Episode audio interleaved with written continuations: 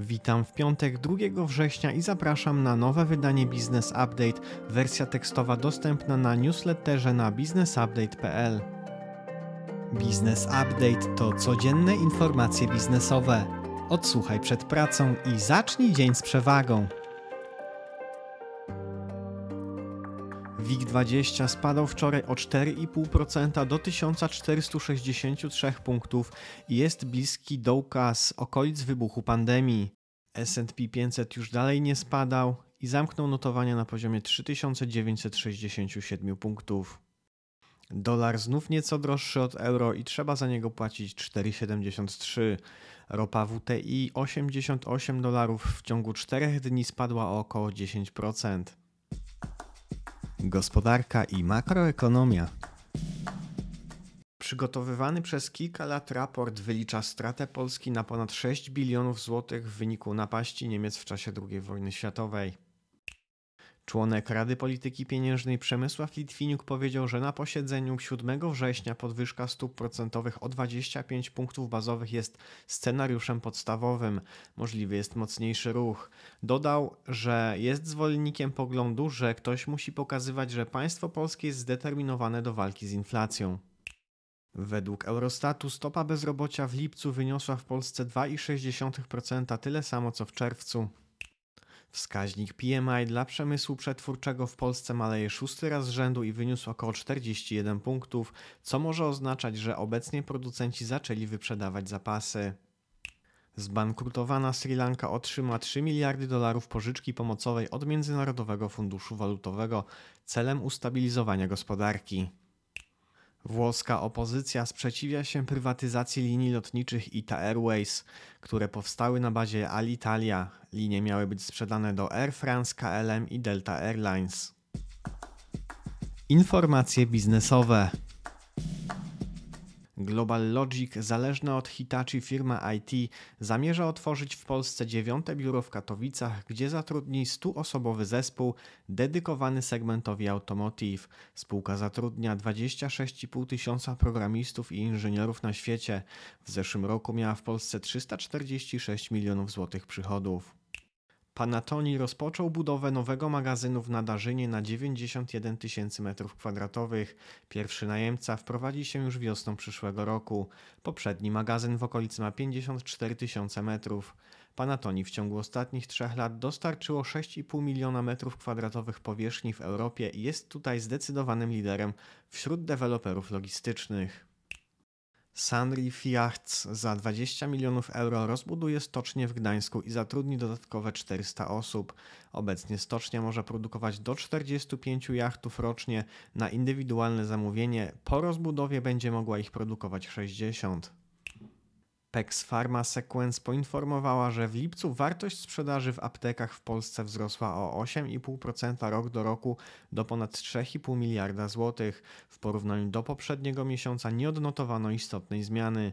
Przychody statystycznej apteki wyniosły w lipcu 273 tysiące złotych i były o ponad 10% wyższe rok do roku. Fuzje i przejęcia, inwestycje i venture capital. Fundusz Private Equity Innova Capital planuje w ramach siódmego funduszu zebrać 350 milionów euro w ciągu 12 miesięcy. Obecnie dysponuje już 220 milionami euro.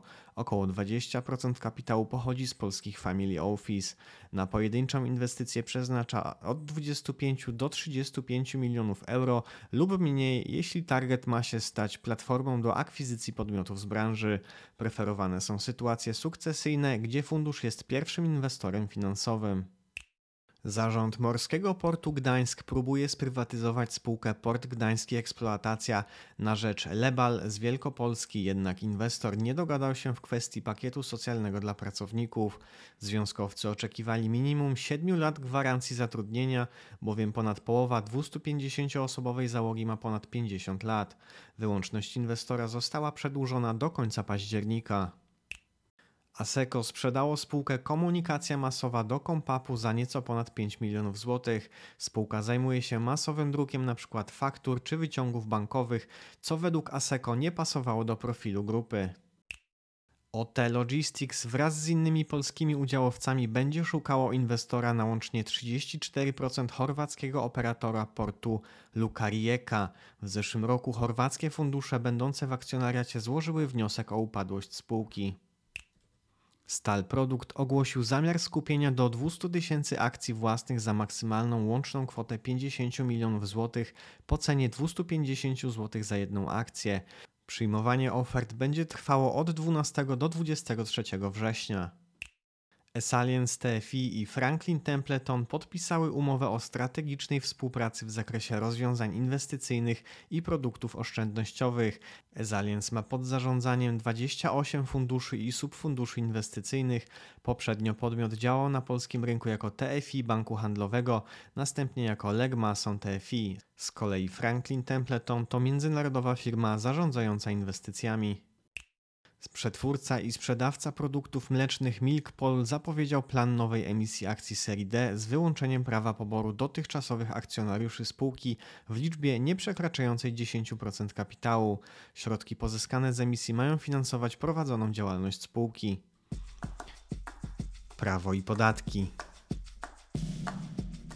Osoba sprzedająca nieruchomość nie będzie musiała czekać 5 lat ze sprzedażą nieruchomości, żeby uniknąć konieczności zapłaty podatku dochodowego, jeżeli właściciel otrzyma 80% ceny przed upływem 5 lat zgodnie z umową przedstępną. Ministerstwo Finansów poinformowało, że można już zdalnie udzielić pełnomocnictwa do podpisywania elektronicznych deklaracji podatkowych. Z komunikatu ministerstwa wynika, że zagraniczni wspólnicy spółek nieruchomościowych nie złożą wymaganej przez fiskus informacji o strukturze właścicielskiej na elektronicznych formularzach, jeśli nie mają polskiego PESEL lub NIP. Fiskus potwierdził, że najem prywatny nowego mieszkania można jeszcze rozliczać na skali PIT z prawem do odliczania kosztów. Zgodnie z Polskim Ładem możliwe jest to tylko do końca tego roku, bo później będzie obowiązkowy ryczałt. Zgodnie z orzeczeniem NSA odzyskaną po latach działkę podatnik może od razu zbyć bez konieczności zapłaty PIT, ponieważ zwrócenie nieruchomości czy jej części decyzją administracyjną nie oznacza jej ponownego nabycia, bez względu na to, czy zwrot następuje na rzecz wywłaszczonego właściciela czy jego następcy i niezależnie kiedy doszło do otwarcia spadku. Wiadomości rynkowe. Obroty akcjami na GPW wzrosły w sierpniu o 7% rok do roku do 19,5 miliarda złotych.